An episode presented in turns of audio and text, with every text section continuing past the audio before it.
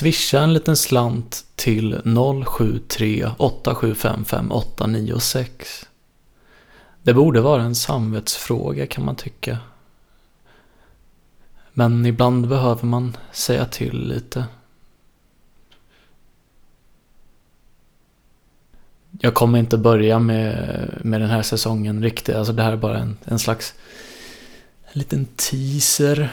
Eh, och jag ber om ursäkt för att ni, det blir till er av fördämd upphetsning. Men, men så får det vara. Jag har...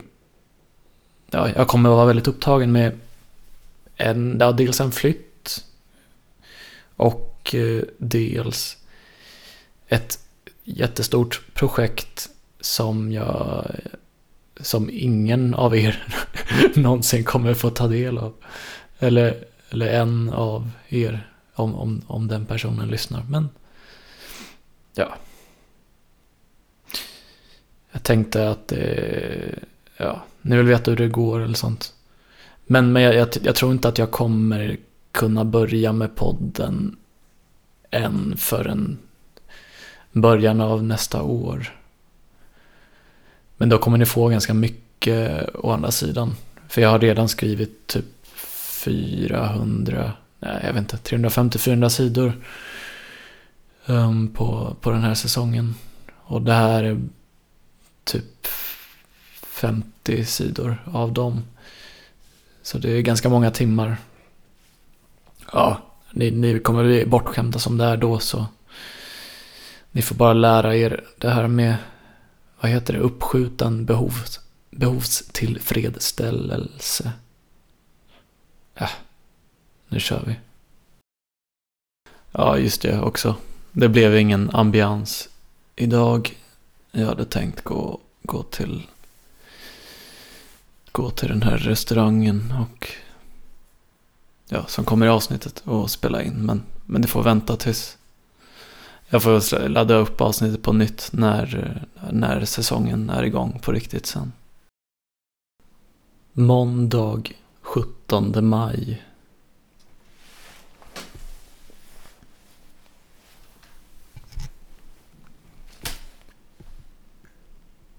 Tårarna kom till morgonkvisten. Det är väl i sängen det händer oftast. Kvällen innan hölls tämligen torr och tårfri. Men det är ju ganska lätt att bekämpa så länge man inte har ovanligt svårt att sova. Bara att sätta på en podd på lagom låg volym. Och när du kommer på dig själv med att det inte har hängt med i de senaste par meningarna stänger du av. Du är då för sömnig för att ägna dig åt mental verksamhet, för att kunna tänka. Och somnar nästan på direkten, utan att behöva behandla något av det jobbiga. Det får väl sömnen ta hand om. Möjligt att det hade gått att lösa med en klocka poddradio som hade som väckande funktion att sätta på ett godtyckligt poddavsnitt och på så vis blockera all introspektion. Men jag orkade inte greja med det. Och fanns det inte ett värde i att älta, att grubbla, vända och vrida? Höll man alltid armlängds avstånd fick det aldrig tid att sjunka in. På något sätt måste det väl ändå vara nyttigt. Något måste man väl komma fram till. Det värsta denna morgon var hur som helst inte tårarna. En liten regnskur bara. Inget hulkande, inget ihållande. Gråten var, som Emma skulle ha sagt, övergående. Vad som verkligen grep tag i mig, som kom i samma ögonblick, det vill säga när det slog mig, när sömnens ljuva glömska hade torkats bort med ögonsanden. Det var sorgen, som kan sägas ha varit tårarnas moder. Sorgen i insikten att det här var första dagen på resten av mitt liv. Ett liv som inte var självvalt. Jag visste inte hur jag någonsin skulle vänja mig.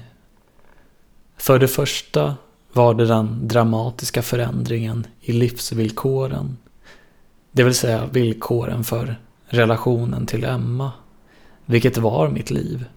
Det enda som var kvar efter att jag hade sabbat allt annat.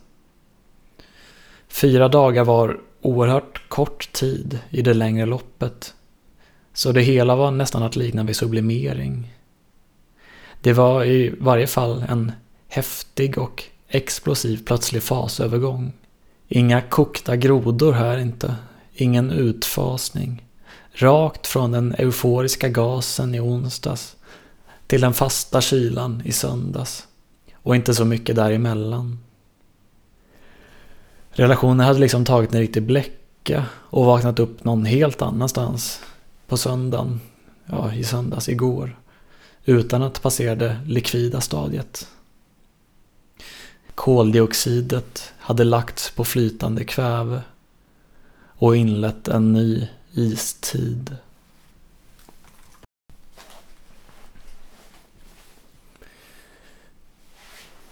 Jag återkommer ofta till lotterimetaforen, känner jag. Men angående svårigheten i att vänja sig vid det nya tillståndet var det lite som att jag hade vunnit storvinsten på jackpot för ett par månader sedan. Så ovan vid pengar som jag var hade jag satt sprätt på allt redan och tvingades gå tillbaka till att leva som en vanlig Svensson. Det hade en vulgär stank av nyrikedom.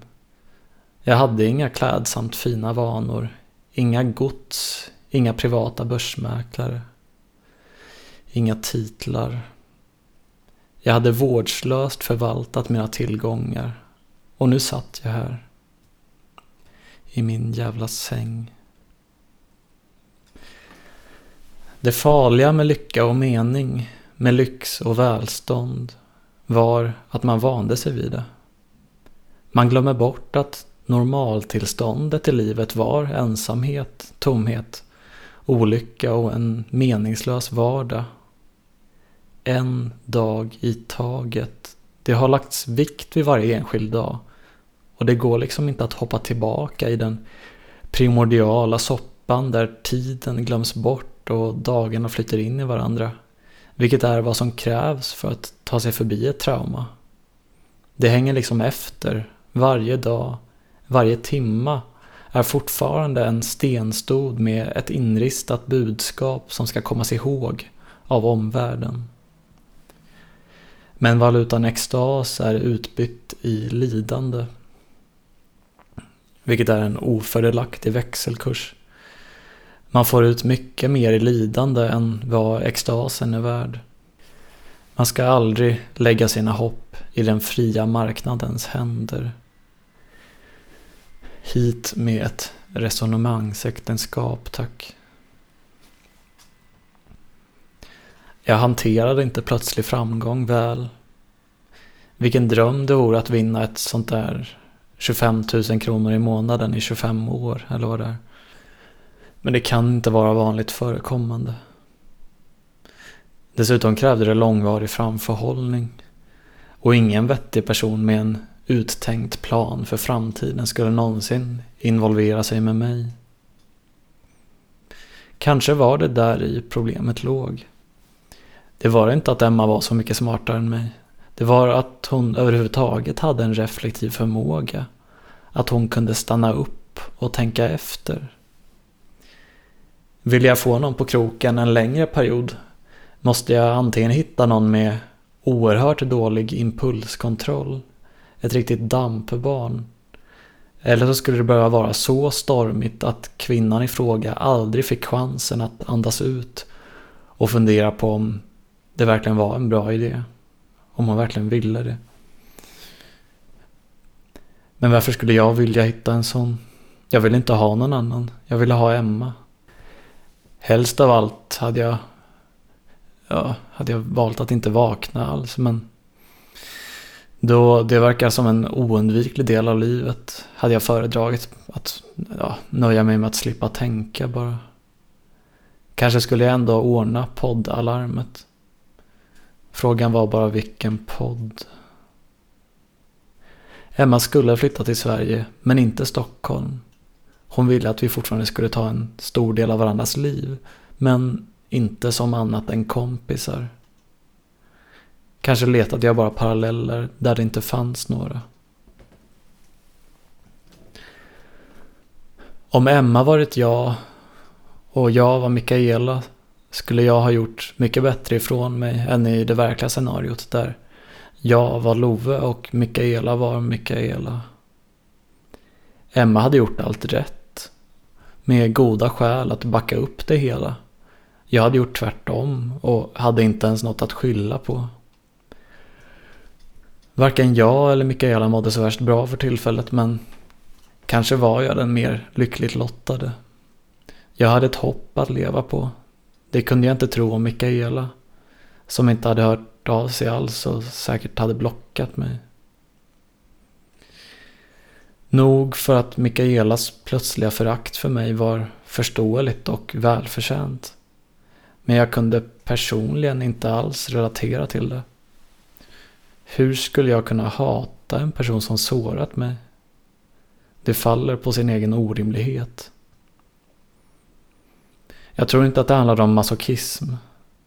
Mer att jag var Hollywoodskadad. Mitt liv var en film och nu var vi i andra akten. För några veckor sedan hade jag allt en man vill ha. Romantisk och sexuell bekräftelse samt en fin bostad. Men jag måste förlora allt för att hamra in sensmoralen. Att den som gapar efter mycket och så vidare. Utsättas för en moralisk prövning. Se om jag hade lärt mig något. Vändningen skulle komma och om jag bara tacklade utmaningen med ödmjukhet och hårt arbete skulle jag kunna lösa ut mina samlade poäng i en belöning. Det måste vara så. Det måste finnas rättvisa i livet. Att börja hata den andra är precis vad man kan förvänta sig. Men det var att ge upp. Emma var den enda som verkligen betydde något. Och därför blev det också meningsfullt att fortsätta kämpa. Det är inte omöjligt att det fanns en dold bakdörr. En teknikalitet jag med fördel kunde nyttja för att nästla mig in igen.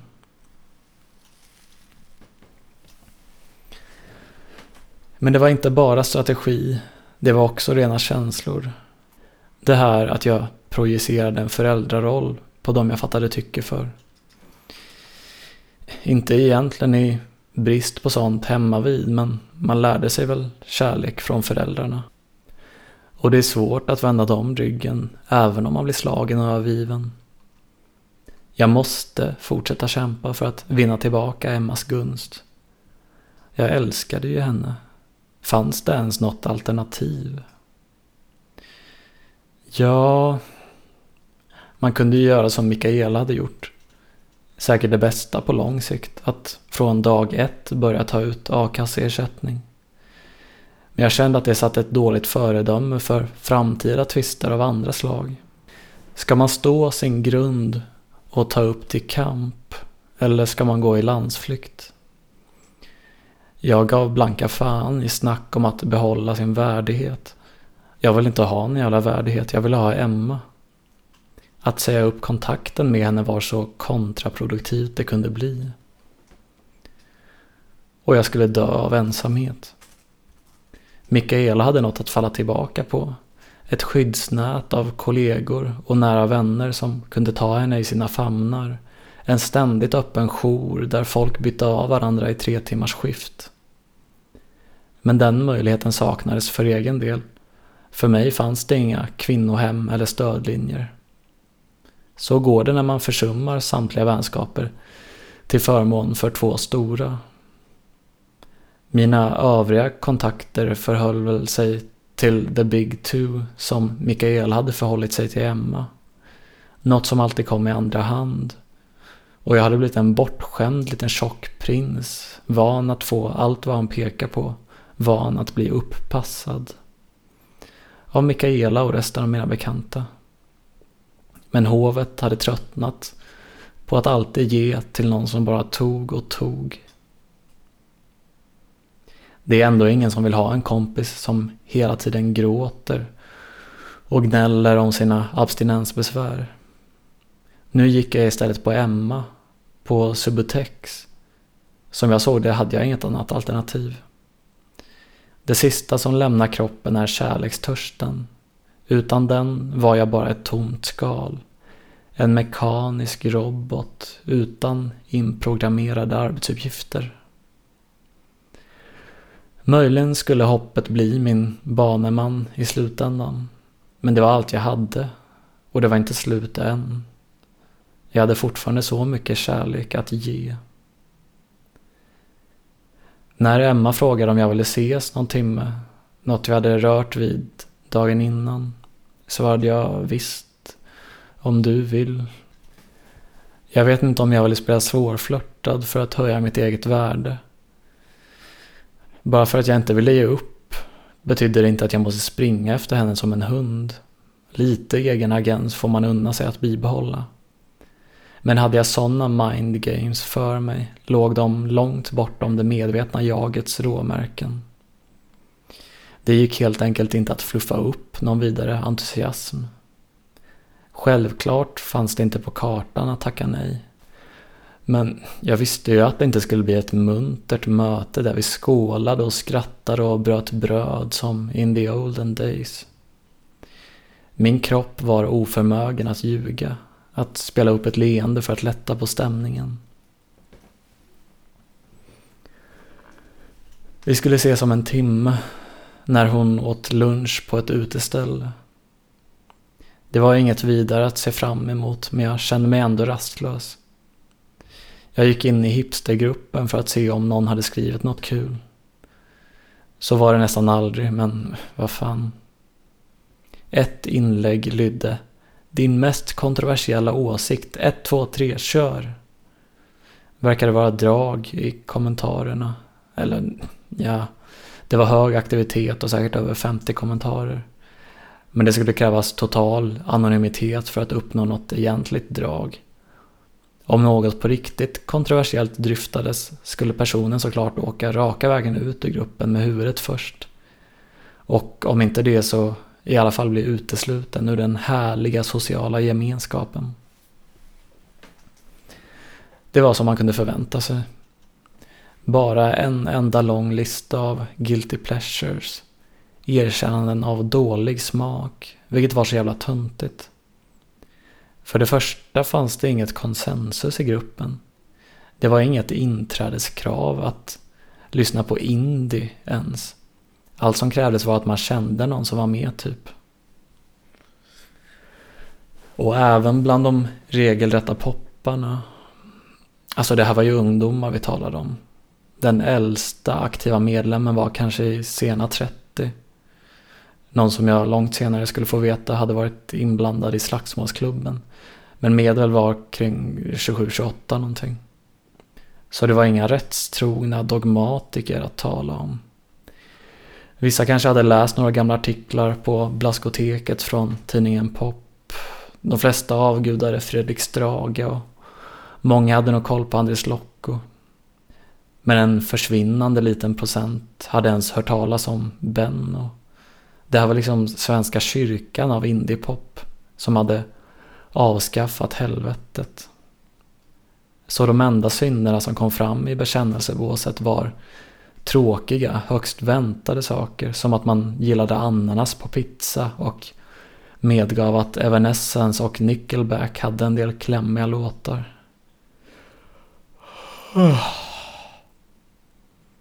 Jag låg i sängen och deppade. Jag kände för att röra om lite i grytan. Frågan var bara vad. Först och främst en ganska lågt hängande svordom. Att Broder Daniel var överskattare och att Shoreline var en totalt intetsägande och tråkig låt. Det borde ändå kunna provocera gänget som hade proklamerat sitt manifest under flaggen Shoreline-vänstern lite. Men var det tillräckligt? Ganska förutsägbart faktiskt. Jag ville att det skulle skava verkligen. Jag grät till Look for the Woman av Dan Lesac vs Scroobius Pip. Och lade till i slutet av min kommentar att vita är bättre än svarta på hiphop. Jag tycker fortfarande att jag hade varit för feg. Jag hade väl mycket värre åsikter än så. Dels i självmordsfrågan men också rent politiska. Det var sant att jag inte hade något vidare emot att bli paria i den här gruppen töntar som jag hade väldigt lite gemensamt med. Men jag är fortfarande konflikträdd och hade ingen större lust att be om ångest. Jag hade tillräckligt på bordet som det var. Jag fick upp pulsen lite när jag såg att någon, någon hade svarat på min kommentar efter bara någon minut. Men det var väl just det jag var ute efter. Att slippa apatin för en stund.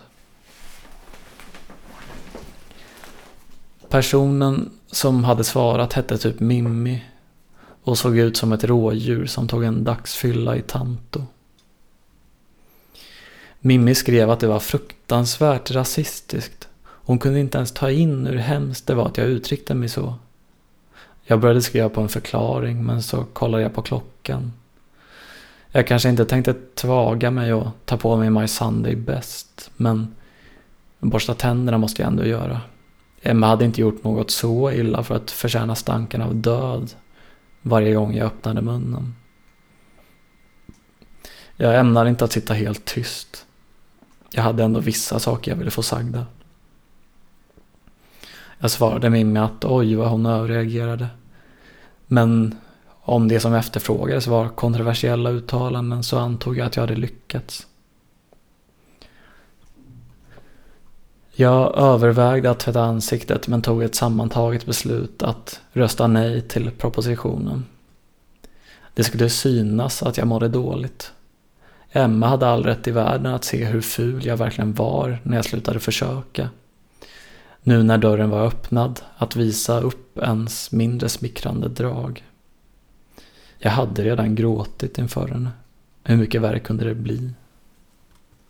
Det hade inte gått att klämma ur mer av tandkrämstuben. Så jag höll tummarna att det inte skulle märkas att jag tog av hyresvärdens. Jag tror till och med att jag tog en bild av den för att kunna ställa tillbaka exakt som den var. Och torkade av den med toapapper för att inte lämna några rester av händerna som var fuktiga av att ha blött tandborsten. Hoppas att hon inte satt med filspån och tog fingeravtryck. Det kändes som minsta felsteg kunde leda till att hon rev kontraktet och vräkte mig rätt och slätt. Jag gjorde en anmärkning på mobilen om att köpa nytt.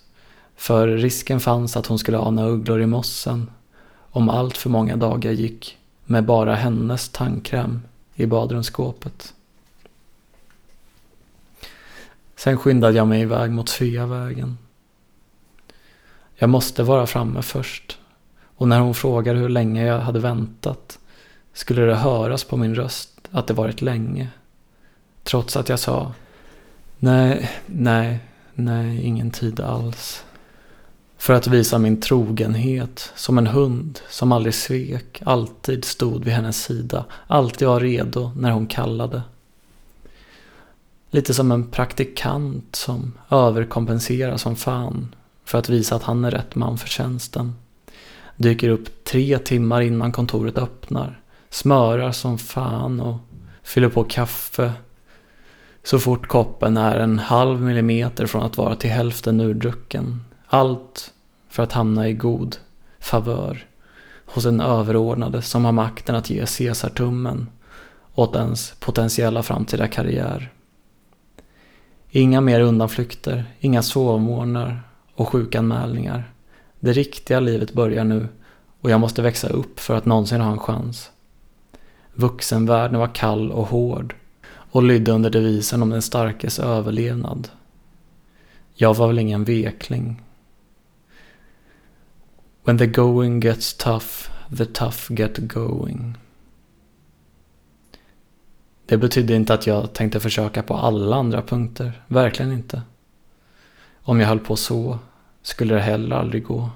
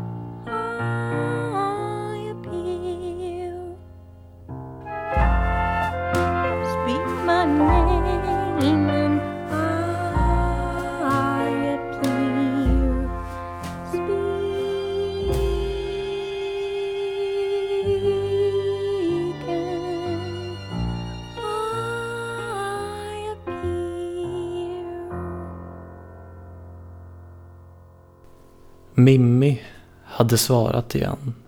Att hon aldrig hade hört på maken. Hur, hur jag kunde re reagera så blasé. Att det var allvarliga saker jag uttalat mig om. Att jag legitimerade vitas förtryck mot svarta. Kände jag ens till den hemska historien av rasism? Det fruktansvärda arvet vi alla privilegierade hade ett gemensamt ansvar att luckra upp. Och att jag var en del i ett led av vita män som tog underprivilegierades bespottade kulturuttryck, approprierade dem till rumsrena urvattnade varianter som plötsligt ansågs som coola och okej okay, när det var vita som ägnade sig åt det. Nu befann jag mig på rätt plats, på Tegnérgatan, sedan tio minuter innan utsatt tid. Men ingen Emma kunde skönjas. Jag svarade att Mimmi skulle lugna ner sig. För det första var det väl ingen som tyckte att vita som höll på med hiphop var häftiga. Det fanns väl snarare någon exotiserande rasessentialism som i sig var lite rasistisk. Typ att svarta hade det i blodet. För det andra bad jag henne läsa ursprungsinlägget. Era mest kontroversiella åsikter. Läs mellan raderna. När jag skriver att vita är bättre än svarta på hiphop betyder det att den hiphop jag hört av främst vita musiker har jag föredragit framför den hiphop jag hört av primärt afroamerikansk bakgrund. Jag säger inte att den vita rasen, vad fan det än ska betyda, är objektivt sett genetiskt överlägsna svarta när det kommer till att sjunga i takt till musik, men liksom tala väldigt fort alltså. Jag fattar inte hur du kan tillmäta mina preferenser, vem fan är jag liksom, så stor vikt att de skulle bära generationer av etniskt förtryck på sina axlar. Det är bara löjligt. Jag satt på huk mot en fasad och väntade. Inte på svar från Mimmi, även om det säkerligen väntar ett sånt. Men jag hade stängt av aviseringar för inlägget. Nej, på Emma. Jag kollade till mobilen och hon hade just skrivit Sorry, jag fastnade i en sak, så jag blev några minuter sen. Okej. Okay. Jag hade på mig ett par svarta byxor från Gröna Lund och en av de fula orangea Citymail-tishorna. För att liksom demonstrera med all tänkbar tydlighet att jag blev som man behandlade mig. Tänkte hon inte besvara min kärlek skulle hon inte få mig när jag var som bäst. När jag såg som bäst ut. Jag var bara uppgiven, orkade inte. Det fanns viktigare saker att bry sig om. Så dök hon till slut upp en kort, vänskapligt slapp kram. Förlåt, det var verkligen inte meningen att tvinga dig att vänta i tio minuter. Vadå? Det är ingen fara. Jag var inte heller här på klockslaget. Jag ljög ju inte. Och jag har ju varit minst lika sen merparten av gångerna vi har träffats. Det är inte mer än rättvist. Okej. Okay. Emma log. Bra att du inte blev sur. Jag besvarade inte leendet. Sur var jag väl inte. Men jag blev irriterad på hennes spelade, nästan högtidliga ursäkt. Det var bara en ritual. Hon brydde sig inte egentligen. Hon hade bara dåligt samvete över allt det andra. Vilket var så jävla löjligt. Hon hade all rätt i världen att välja bort mig. Om någon inte valde bort mig skulle jag knappt kunna ta det på allvar i sig att det var ärligt känt när det så uppenbart hade tytt på en klaustrofobisk brist på valfrihet. Att något tvång måste vara inblandat. Ann Nam hette stället. Jag frågade om det inte var det Emma hade varit så extremt kritisk mot och negativt inställd till när hon fick för sig att det var dit Mikaela skulle ta mig. Hon blev lite tagen på sängen av mitt plötsliga opåkallade mellan raderna påhopp. Men samlade sig snabbt, skrattade till och sa Nej, nej det är Itnam du tänker på. Mycket närmre Odenplan än, än det här. Här äter jag ofta, så nära kontoret det är. Och med det här haket har jag inget att klaga på. Jag svarade inte utan lät henne beställa medan jag valde ett bord till oss. När hon hade betalat kom hon och satte sig men gick snabbt iväg och hämtade citronvatten. Och tillbaka igen, varpå jag sa att jag också skulle gå och hämta vatten. Men du kunde ju sagt något så hade jag tagit ett glas till dig också. Ja... Men nu gjorde jag inte det. Jag måste få lida. Du ska inte ge mig något gratis. Jag är vuxen, jag reder för fan över mig själv och har aldrig bett dig om att hämta vatten åt mig. Emma åt. Jag satt tyst och drack mitt vatten. Försökte dra ut på det. Men jag blev tvungen att gå och fylla på. Jag tog ett extra glas till Emma också. Trots att hon inte bett om det. En sorts självuppoffrande gest för att kommunicera mitt underläge. Att jag var medveten om att hon var riddare och jag blott en väpnare. Det kändes skönt och hon kunde inte ens säga något eftersom det hur lätt som helst kunde förklaras som omtanke. Det var det inte nödvändigtvis, men nog var det ändå en vänlighet. Hur passivt aggressivt motivet än varit. Det var inte som att det var en sån jävla uppoffring att ta ett extra glas vatten, herregud. Så himla ont i fingrarna hade jag inte. Emma skulle säkert bli glad, åtminstone låtsas. Hon var ju socialt kompetent och hade kunnat spela, även om hon, som jag, hade burit på ett blytungt och svartbränt kardium. Dessutom var hon förmodligen en person som gillade den inbillade noten av honungsmelon. Jag hade aldrig frågat, men det kändes sannolikt. Som personligen var något jag hade kunnat ha eller mista. Sak samma med citronvatten. Eller spökvattnet man blandade i skolmatsalen. Genom att fylla på med vatten i glaset man just druckit mjölk ur. Citronmjölk vore en syntes av de båda, men det låter fruktansvärt. Jag påminns om ett Björn Gustafsson-inspirerat försök till Sodastreamad oh O'boy som fick en i bekantskapskretsen att kräkas. Vad var det för fel på vanligt vatten? Jag hade inget emot sura saker. Men när syran genomgått den homeopatiska processen började mer och mer likna beska. Visst hade även jag i svaga stunder blivit förledd och hänfallit åt tropisk exoticism. Att det var något litet extra som avvek från den tråkiga normen. Som med kolsyrat vatten också. Men i slutändan var det bara en gimmick. Jag tycker synd om folk som aldrig lär sig uppskatta ett vanligt hederligt glas H2O. Jag fick väl se hur Emma tog det. Det kunde kvitta. Det var gesten som var poängen. Och var hon inte törstig kunde jag ta det själv. Det skulle nog behövas. Fyllt av nytt mod från handlingen tog jag ordet.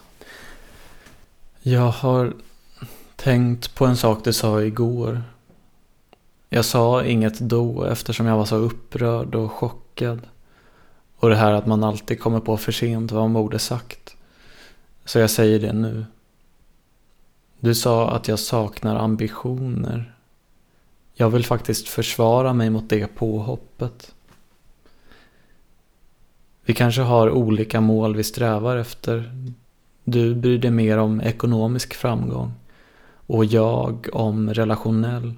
Men jag har också kreativa anspråk och håller nu på att skriva på min andra roman och spela in min femte eller om det är sjätte skiva. Nu ska jag inte uttala mig om verkshöjd. Den har väl svajat en del men det är många som tyckte om delar av min produktion. Skulle du kalla det oambitiöst? Nej, absolut inte. Det är så himla fint och imponerande att du håller på som du gör. med dina kreativa uttryck. Och om du inte vill uttala dig om kvalitet, gör jag gärna det.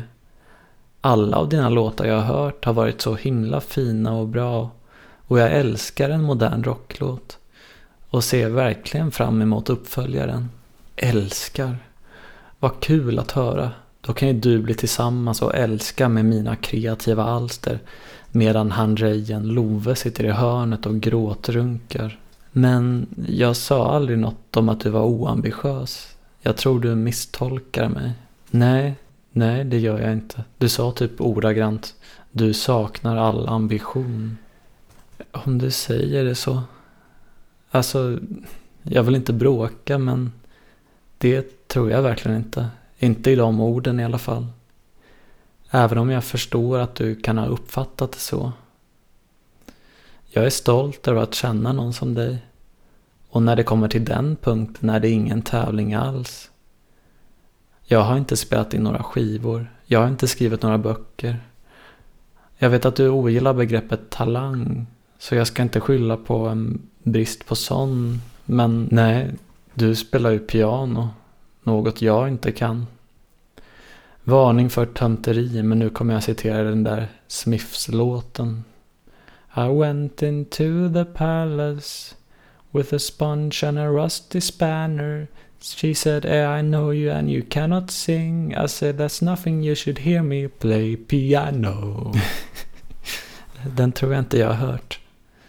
Fast du kan inte påstå att du inte kan sjunga. Du är inte tondöv heller och Rent tekniskt befinner vi oss nog på liknande nivå. Jag vet inte var din plötsliga blygsel och dåliga självförtroende kommer från gällande just sång. Det är som du lider av något extremt kontrollbehov. Vilket kanske gäller allt du gör, bara att du har en sån jävla kunskap och erfarenhet för att backa upp det mesta andra. Men du har ju levt ett extrovert studentliv ganska många år av ditt liv. Och jag vägrar tro att du inte stämt upp i sång på sådana tillställningar. nej, nej förvisso. Det har väl hänt. Men ja, nu var det inte det vi pratade om. Jag vet inte hur vi hamnade här. Nej, nej det var kanske en ovidkommande detalj av mig att hänga upp mig på men jag tycker det är löjligt ändå. Om jag var rädd för att syssla med eller försöka mig på sånt jag inte är expert på eller som jag inte kan garantera garantera kvaliteten på skulle jag aldrig gjort något alls. Jag vill ju höra dig sjunga, sjunga för mig. Att du sjunger vackra visor för mig om att allt ska bli bra. Ja, visst. En vacker dag kanske. Om tio år eller så. Hon blinkade. Nej, det är för dumt. Och konstigt bara. Du har ju en mycket bättre, du har mycket bättre förutsättningar Eftersom din vanliga talröst är en fröjd att lyssna på. Vilket är mycket mer än vad man kan säga om min. Äh, lägg av. Jag älskar din talröst. Det är alltid så himla fint att höra den i dina poddar. Värst var mycket med mig som Emma påstod sig älska. Det var väl nackdelen med att fiska efter komplimanger. Man fick erkännelser under tortyr och som därför var helt ogiltiga att användas inom ramarna av det moderna rättsskipandet. Jag vet att jag skulle älska din sångröst om du bara vågade. Okej. Okay. Kanske bäst att inte utmana ödet så du kan få bibehålla din utopiska illusion. Emma avvägde tystnaden en stund och verkade vela lite. Jag hade hoppats att vi bara kunde träffas och ha det trevligt som vanligt. Men det var såklart idiotiskt från första början. Jag inser att jag inte kan vandra runt den heta gröten hur länge till som helst. Eller den heta vietnamesiska nudelsoppan. Jag skrattade inte. Du får inte tro att jag ser ner på dig på något sätt. Du vet hur mycket jag värderar kultur av alla dess slag. Och jag vet att jag säkert hade kunnat åstadkomma något sorts mer ambitiöst verk om, om jag verkligen förkovrade mig och förfinade mina förmågor. la manken till liksom. Men min tid är begränsad. Jag börjar bli gammal och har liksom inte råd att, att ägna mig åt saker som jag inte blir tillfredsställd och får ut något av på översiktlig framtid. Jag har ju mitt tecknande som jag verkligen njuter av att syssla med. Eftersom jag är nöjd med min verkshöjd och blir stolt, av, stolt över resultaten.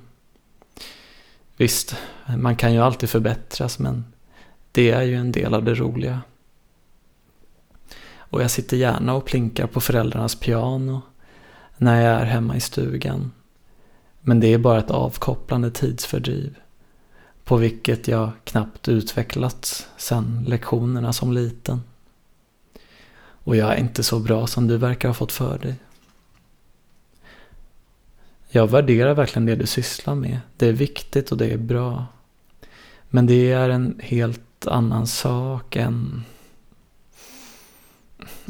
Jag har liksom inte råd att... Nej, förlåt. Nu höll jag på att uttrycka mig klumpigt igen.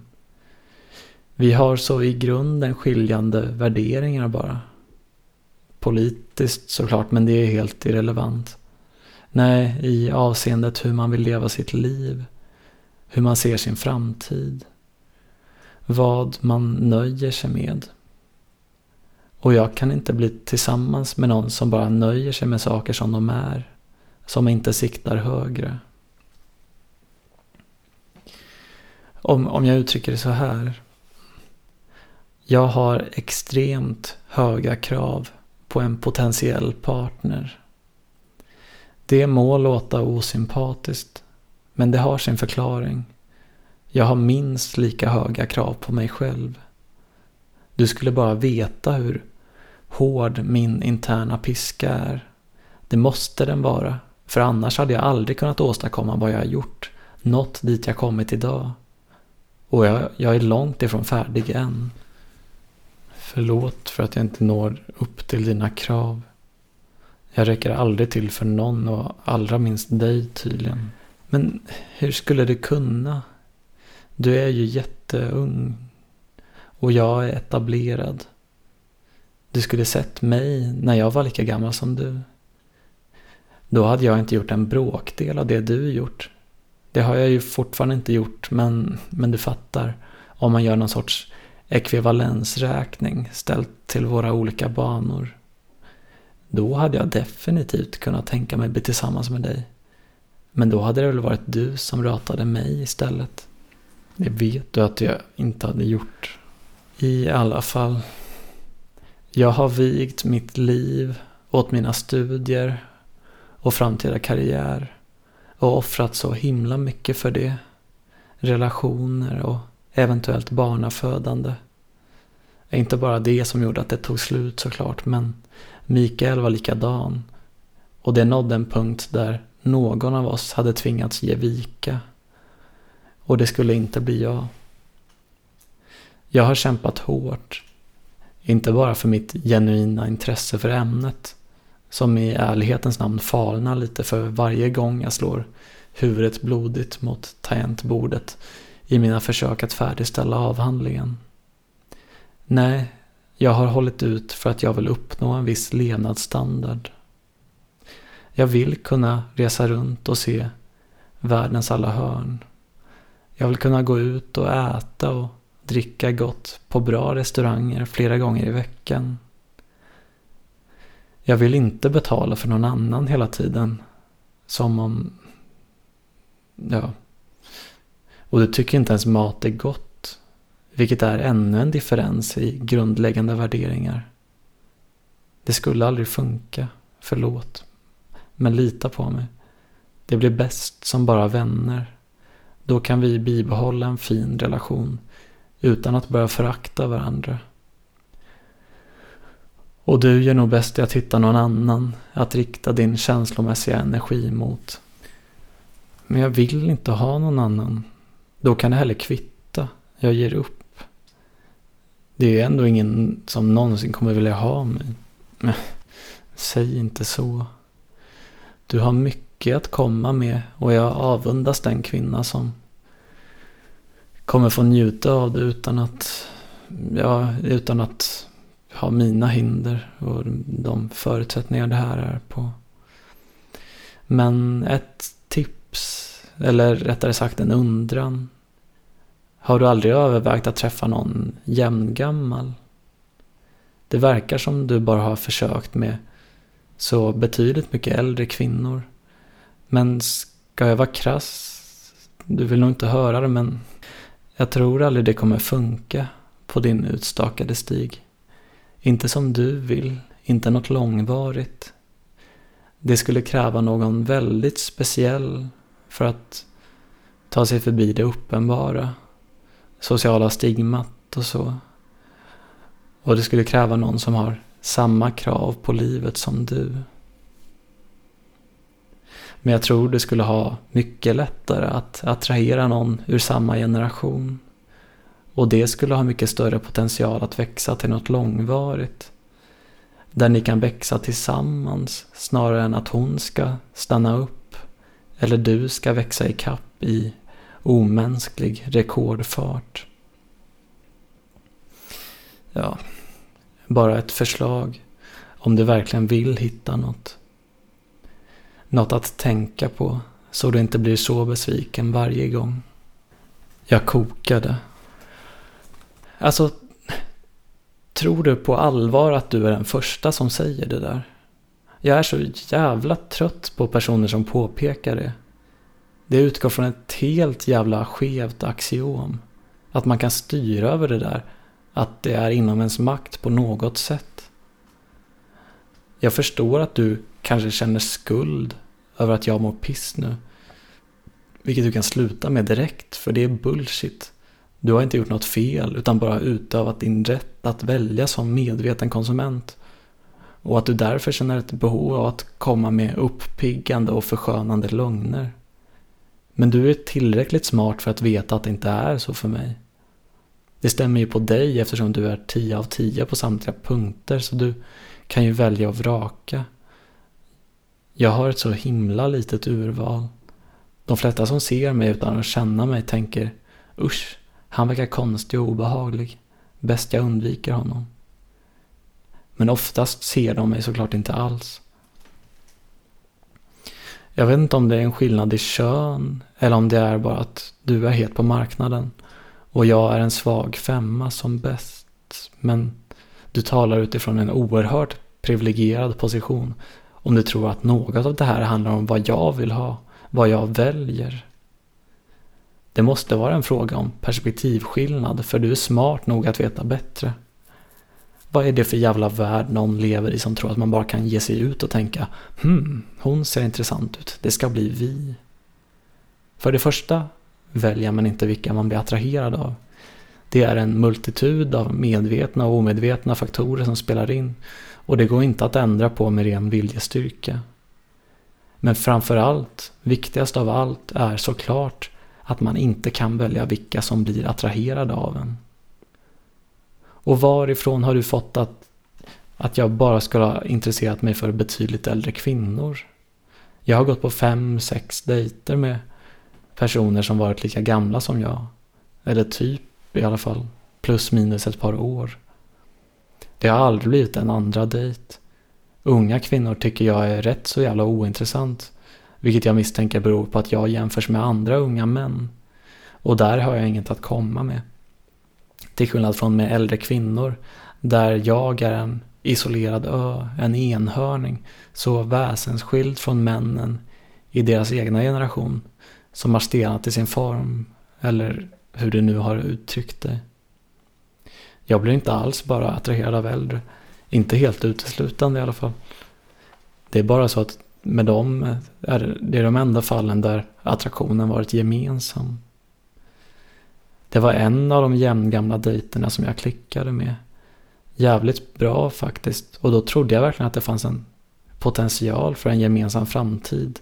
Jag gick runt som på moln efteråt. Nu hände det äntligen tänkte jag. Nu har jag hittat rätt.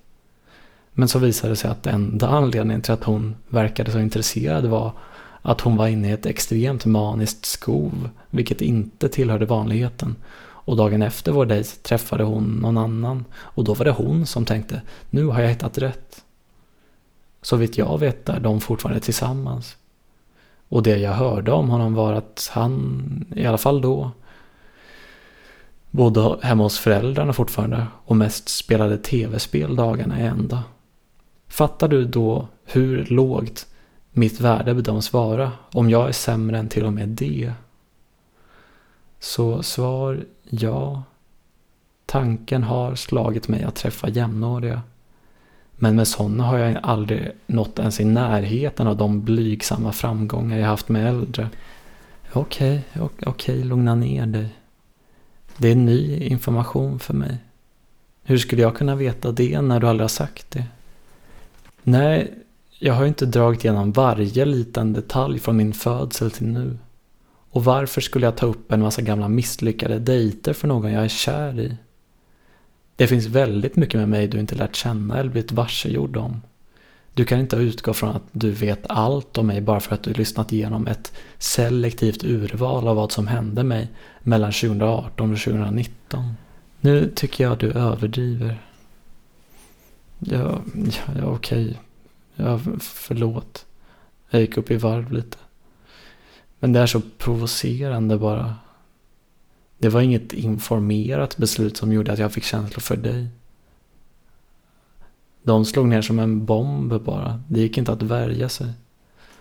Och när du direkt börjar prata om att jag borde leta efter någon annan. Det känns inte som du förstår eller, eller tar mig på allvar. Jag har sumpat mitt livs chans och jag kommer aldrig kunna träffa någon som du igen. Men Love, du har inte sumpat något. Du har gjort exemplariskt från dig, men det hade inte kunnat sluta på något annat sätt. Det var dödsdömt från första början. Och så där sa du om Jenny också. Ja, det var med en jävla relativism. Men det finns ändå en objektiv sanning. Och visst, det sa jag om Jenny, men det sa jag innan jag träffade dig. Det snällaste man kan säga om Jenny är att hon, hon var en sämre version av dig. Vilket är en jävligt generös komplimang. Hon är ingen version av mig alls. Hon är en egen person. Och du kan inte hålla på att jämföra sådär. Dessutom kommer du säga samma sak om nästa kvinna.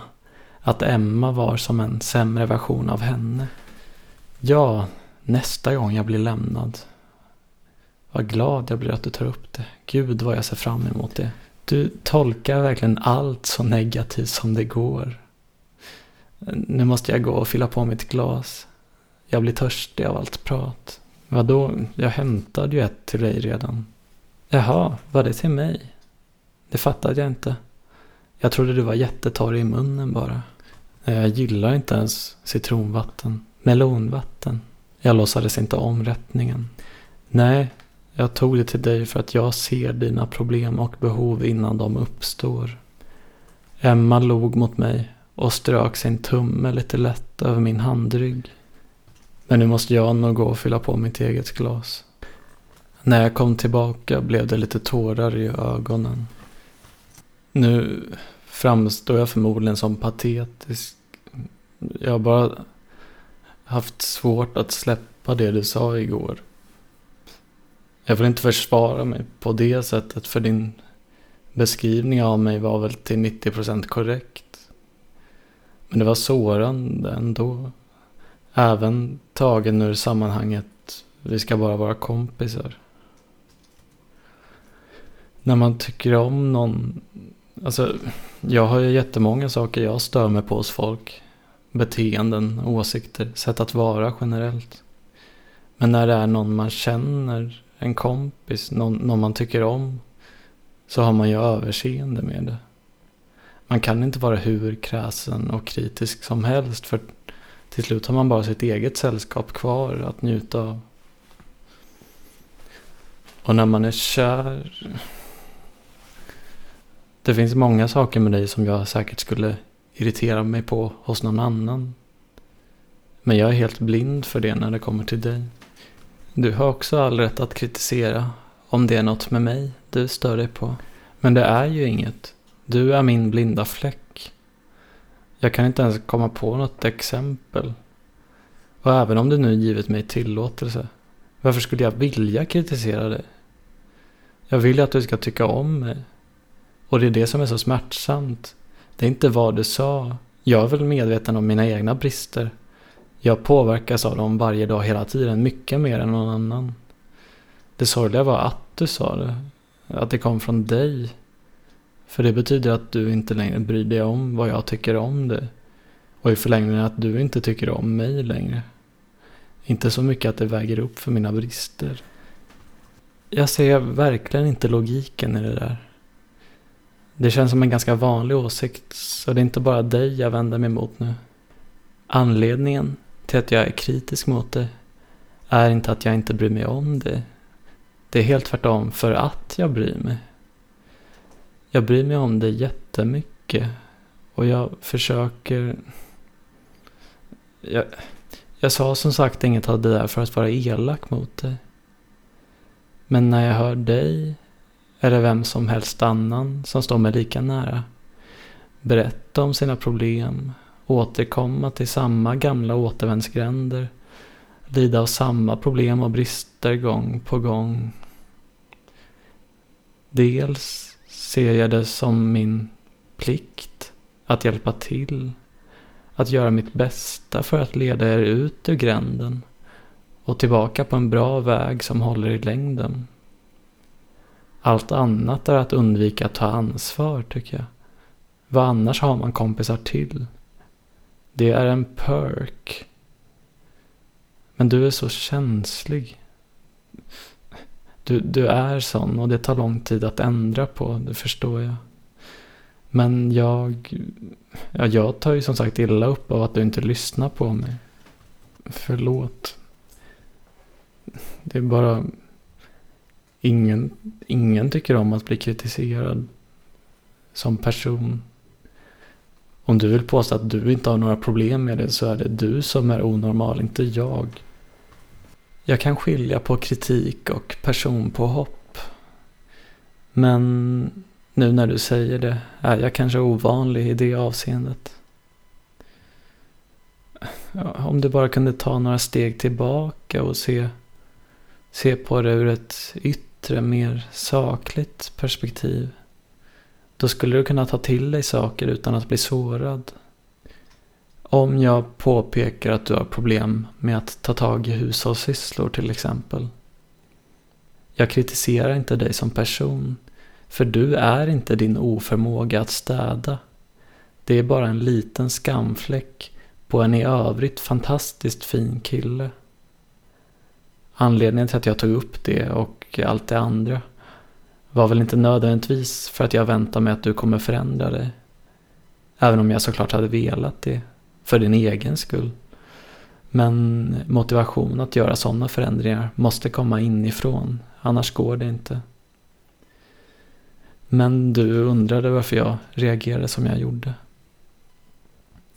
Och även om du inte bad om hela den utläggningen. Jag kan medge att, att det som kom ut ur min mun stundtals var klumpigt och okänsligt formulerat. Men det behövde sägas, just för att jag bryr mig om dig. Just för att jag tycker om dig jättemycket och inte vill att någon av oss ska behöva försvinna ur den andras liv. Ska den här relationen hålla i längden måste jag kunna vara öppen med sånt som skaver.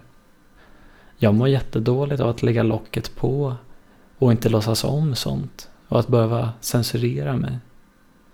Tänk om man gjorde så på en arbetsplats. Bara lät saker fortgå trots att det uppenbart var en massa fel. Du säger att du har överseende med störningsmoment och problem när det kommer till personer du tycker om. Jag har så svårt att fatta den inställningen. Jag kan ha överseende med totala främlingar. Sådana som jag inte bör ha att göra med på en regelbunden basis. Men du tillhör inte den kategorin. Jag tycker om dig så himla mycket. Jag bryr mig om dig. Och jag vill att det här ska utvecklas till en livslång vänskap. Inget jag måste avsluta om ett halvår eller kortare än så. Så bortskämd är jag inte. Du är en sån speciell person och vi har ett speciellt band till varandra som jag värderar högt. Du är oersättlig. Jag har ingen annan relation som påminner om, om den vi har till varandra. Men risken finns att jag inte skulle stå ut i längden om jag inte fick lätta på trycket då och då. Och det här att jag lägger mig i och kommenterar på saker du säger inte angår mig, som inte påverkar mig. Det påverkar mig visst att höra om dina problem. Det gör mig ledsen och frustrerad när det från mitt perspektiv är sådana bagateller. Om du vill att jag ska sluta helt med att komma med sådana åsikter så kan jag göra det. Men det innebär att jag måste stänga av min omtanke för dig. Det kommer liksom på köpet. Du kan inte få det ena utan det andra. I varje fall inte från mig. Jag är som sagt ingen övermänniska som har full kontroll över mina känslor och impulser. Och angående det här med varaktigheten. Det handlar inte bara om mig, det handlar om dig också. Jag var tvungen att hamra in mina poänger så tydligt för att du skulle förstå. För att du inte skulle lämnas med en massa obesvarade frågor. Man har en rätt att veta. Det är nödvändigt. Du måste förstå varför jag har tagit mitt beslut för att du ska kunna stänga kapitlet på romansen och gå vidare hand i hand med mig. Jag vet det där bättre än någon annan. Tio år, sen helt plötsligt hej då. Ingen diskussion, ingen förklaring, ingenting. Bara borta. Och jag vill inte vara som Mikael. Jag vet inte om jag någonsin kommer gå, kunna gå vidare från det helt och hållet. Inte under de omständigheterna. Jag vill inte utsätta dig för det. Om jag inte hade haft något problem med städning och sånt hade du velat ha mig då. Men Love, Emma tog min hand igen. Jag vill ha dig. Bara inte på det sättet. Man kan inte gå in på detaljnivå sådär. Det är en helhet, liksom en kvalitativ och inte en kvantitativ skillnad. Och det gör dig inget gott att grubbla över sånt. Om du hade haft viljan... Nej, nej, det är så spekulativt. Jag kan inte kräva det av dig. Jag får bara lära mig att leva med hur du är. Det är klart att jag vill att du tar steg för att förändra ditt liv till det bättre. Men inte för att jag säger det. Inte för att vara mig till lags. Jag vill bara att du ska må bra. Att du ska bli lycklig. Och jag kommer vara vid din sida, men du måste ställa om dina förväntningar på vår relation. Jag förstår att det gör ont och känns mörkt. Jag sympatiserar med din besvikelse. Men det är ingen övermänsklig uppgift. Du har berättat att du har lyckats med det förut, med Alexandra. Och finns det något jag kan göra för att underlätta övergången kommer jag göra det. Bara att jag inte kommer kunna ge dig det du vill av mig, det du vill nu.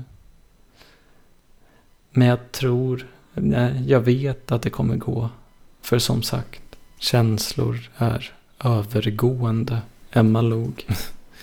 Precis. Du säger det gång på gång. Jag vet inte om det är en medveten strategi.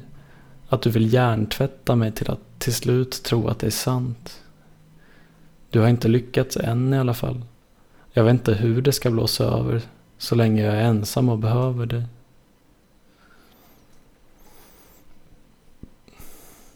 Det kommer en dag då jag inte behöver dig längre. Det förstår väl jag också. Men jag vet inte om det är eftersträvansvärt. Att vilja ha någon, att behöva någon.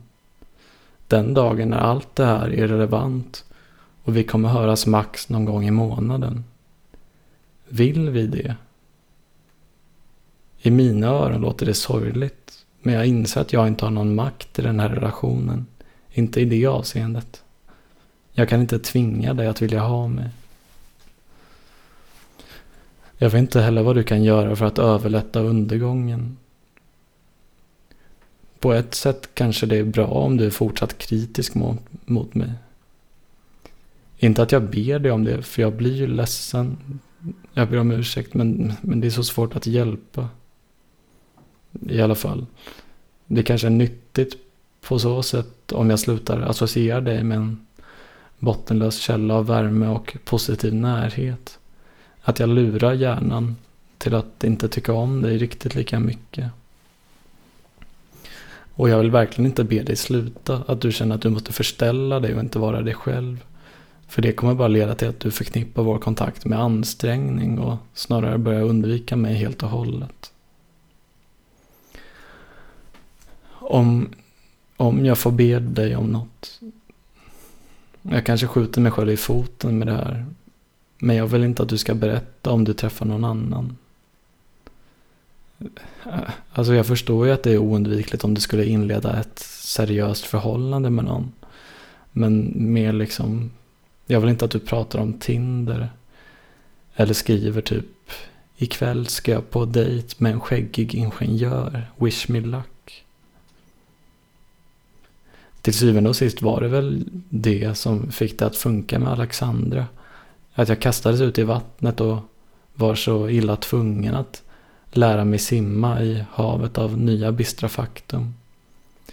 Men i nuläget har jag inte råd att tänka långsiktigt. Mitt liv har brakat samman totalt. Allt förutom möjligen jobbet går åt helvete. Och jobbet går ju inte ens fantastiskt det heller. De behöver mig inte så ofta. Jag är instabil. Jag behöver trygghet, inte dagligen gå runt och oroa mig och tänka att den här gången händer det. Emma kommer ryckas tag i fotknölarna och svepas med i en så eldig passion att hon glömmer bort mig. Att hon inser vilken löjlig sak det var att säga att hon och, vad heter han, Love hade haft något särskilt band till varandra. Jag vill inte och tror inte jag kommer vara redo att ge mig ut på marknaden igen på väldigt lång tid. Även om vi levde i en hypotetisk värld där det fanns något att hämta för mig. Där någon annan skulle vara intresserad. Och tanken på att du på en gång skulle känna det där suget att få en massa behov tillfredsställda igen. Nu när du förbjudit mig från att göra det jobbet. Jag kan inte ens sätta ord på vad jag skulle känna då. Inte inför dig, för det skulle vara gränslöst manipulativt och jag vill inte syssla med känslomässig utpressning. För aktning kommer ur hot är ingen riktig aktning. Men kort och gott skulle jag gå under det är där jag står nu i alla fall. Det är möjligt att det kommer förändras. Det är till och med nödvändigt. Men den dagen, den sorgen. Nu behöver jag en sån naturskön solfjäderhimmel som i Kalanka. Även om det är en lögn. Det är väl en, en lögn med konstgjord andning eller hjärtstartare också. Men ibland behövs det för att rädda liv. Metaforiskt talat ska jag inte behöva oroa dig för sånt. Om jag inte kan få dig kommer jag leva ensam. Och jag vill inte att någon annan ska få dig heller. Vi kan väl vara ensamma tillsammans. Nu tröstar vi varandra och är aldrig ledsna mer. Åtminstone kan du låta mig låtsas. Så, ja, om det inte tar emot allt för mycket är det det jag ber dig om. För att underlätta övergången. Emma höll sin hand över min och skiftade sina vilande fingrar till höger och vänster mellan fårorna som bildades av mina knogar. Du hade inte behövt. Eller, jag menar, det är bra att du talar ut och förklarar dig. Det är något jag uppskattar med det, att man får följa med i din tankeprocess. Men det hade räckt jag, även om du bara sagt kort och gott att jag ska hålla mitt eventuella datingliv för mig själv, hade jag såklart respekterat det. Jag sa ju att jag skulle göra vad du ville för att göra det lättare för dig. Okej. Okay. Har du tänkt förresten på att Datingliv och singelliv betyder exakt samma sak. Jag småfnissade men satt fortsatt därefter. Framåtlutad med huvudet vilande i handflatan. Tiden gick. Jag kollade på Emma då och då när hon åt det sista av nudelsoppan. Hon kollade på armbandsuret. Sen kollade hon på mig. Oh, du känns så himla deppig. No shit Sherlock. Ja, det är väl inte så konstigt. Hur hade du mått? Det är fullt normalt i en sån här situation. Ja, jo, jag antar det. Fånigt sagt av mig. Här kommer ytterligare något fånigt. Jag förstår att det känns tungt nu och att du inte kan ta till dig något så banalt. Men det kommer ordna sig. Det kommer bli bättre. Bara du låter tiden gå. Det är ändå något bra med människan. Att hjärnan naturligt anpassar sig till nya förhållanden. Man behöver inte göra så mycket annat än att leva sitt liv och stå ut. Men du behöver inte vänta ensam. Jag hummade. Emma kollade på klockan igen. Hon sa att hon måste gå tillbaka till kontoret nu om hon skulle få något gjort. Det var mycket jobb med att utforma tentorna. Vi gick ut och mötte luften.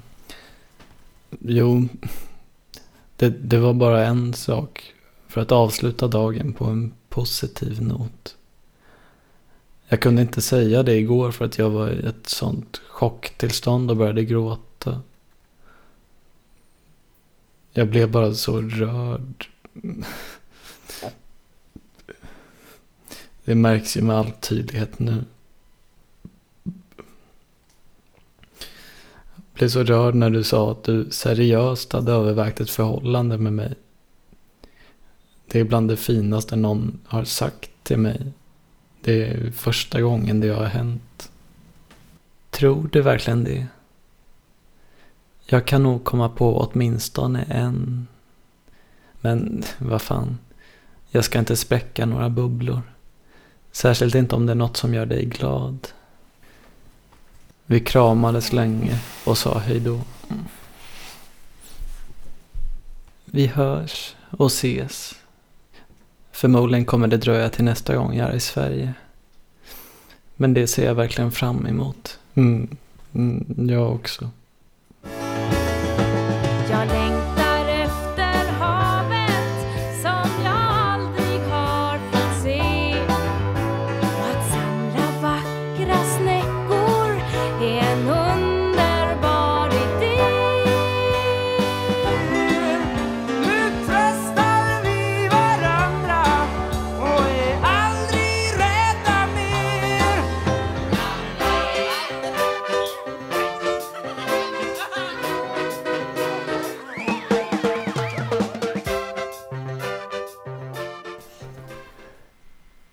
gick in på Ica för att köpa tandkräm och något att tröstäta. Och passade på att panta lite burkar också. 40 spänn. Skärmen med information när man kom in om att hålla avstånd och sånt hade startats om och nu var allt man såg en ruta där det stod virusskyddet har gått ut. Jag tog en bild och skickade till Emma. Den enda vägen är upp. Mm. Jag tänkte först skriva att allt tydligen bara blir värre och peka neråt. Men bestämde mig för att ge ett hurtigt tips. Too soon, kanske. Jag trodde det var en kommentar till bilden. Ja, ja, det var ju det. Jag antog att du drabbats av det systemfelet. Det vill säga allt bara motarbetar dig. Det vill säga hurtigt tips. Apropå vad vi pratade om. Det var ett oerhört långsökt skämt. Det är väl som vanligt bara jag själv som motarbetar mig. Jag tyckte det roliga var att virusskyddet har gått ut på en skärm där det stod att man ska hålla avstånd för varandra för att förhindra smittspridning. Men det kanske du fattar ändå. Ah, ah, nej, jag fattar inte. Men det var ju meta. Mm. Eller, eller bara gamla, gammal hederlig ironi. Jag glömde att ens fråga om maten var god. Det måste man ju inte fråga. Men det var den. Vad gör du? Jag har tagit ut lite sopor. Sitter mest och funderar över saker. På onsdag ska jag på Unga Vuxna. Lär ju bli en del att prata om där. Mm. Får jag lägga upp den här gamla bilden jag gjorde av dig på Instagram? En teckning jag gjorde av henne med ett väldigt speciellt smycke. Jag blev väldigt nöjd med den. Jag la också upp en notis från Folkhälsomyndigheten. Där det stod att från, från och med första juni 2021 gäller följande för serveringsställen. Det tillåts att hålla öppet till klockan 22.30 och alkoholservering till klockan 22.00. Självklart får du lägga upp den. Den är jättefin. Jag reagerar på hennes svar med den här leende smilen med, med en massa hjärtan runt, ja, runt huvudet, runt ansiktet. Är den smilen okej? Okay? Jag förstår att pussmunnarna kanske är för mycket, men kan jag använda den? Ja, du får välja. Det blir fint. Tack. Fan, nu börjar jag lipa igen. Jag är ett känslomässigt vrak, verkligen. Måste ta tag i mig själv som människa. Vi skrev lite till med varandra. Klockan 22 skrev Emma att hon var jättetrött och att det var dags att gå och lägga sig. Hon skickade ett avtalsenligt godnatt och en kram. Mm, godnatt. Fem minuter senare. Berätta om du drömmer något imorgon. En, en dyster natt. En, en deppig morgon. Hur gör man nu för att anpassa sig? För att gå vidare? För att ställa om till nya fruktansvärda förhållanden? En dag i taget, Love. Man gör det en dag i taget. Det finns en tröja på min kropp som jag haft på mig i över en månad nu och den luktar svett och kärlek. Jag kan ta av mig den en stund men jag kan aldrig vara sund. Så många andra saker nu. Det finns en del av mig som vill göra fel och ställa till och det kan aldrig vara bra på det hela sammantaget. Och jag kan hindra den ett tag men jag vet med mig att en dag så släpps den lös och saker går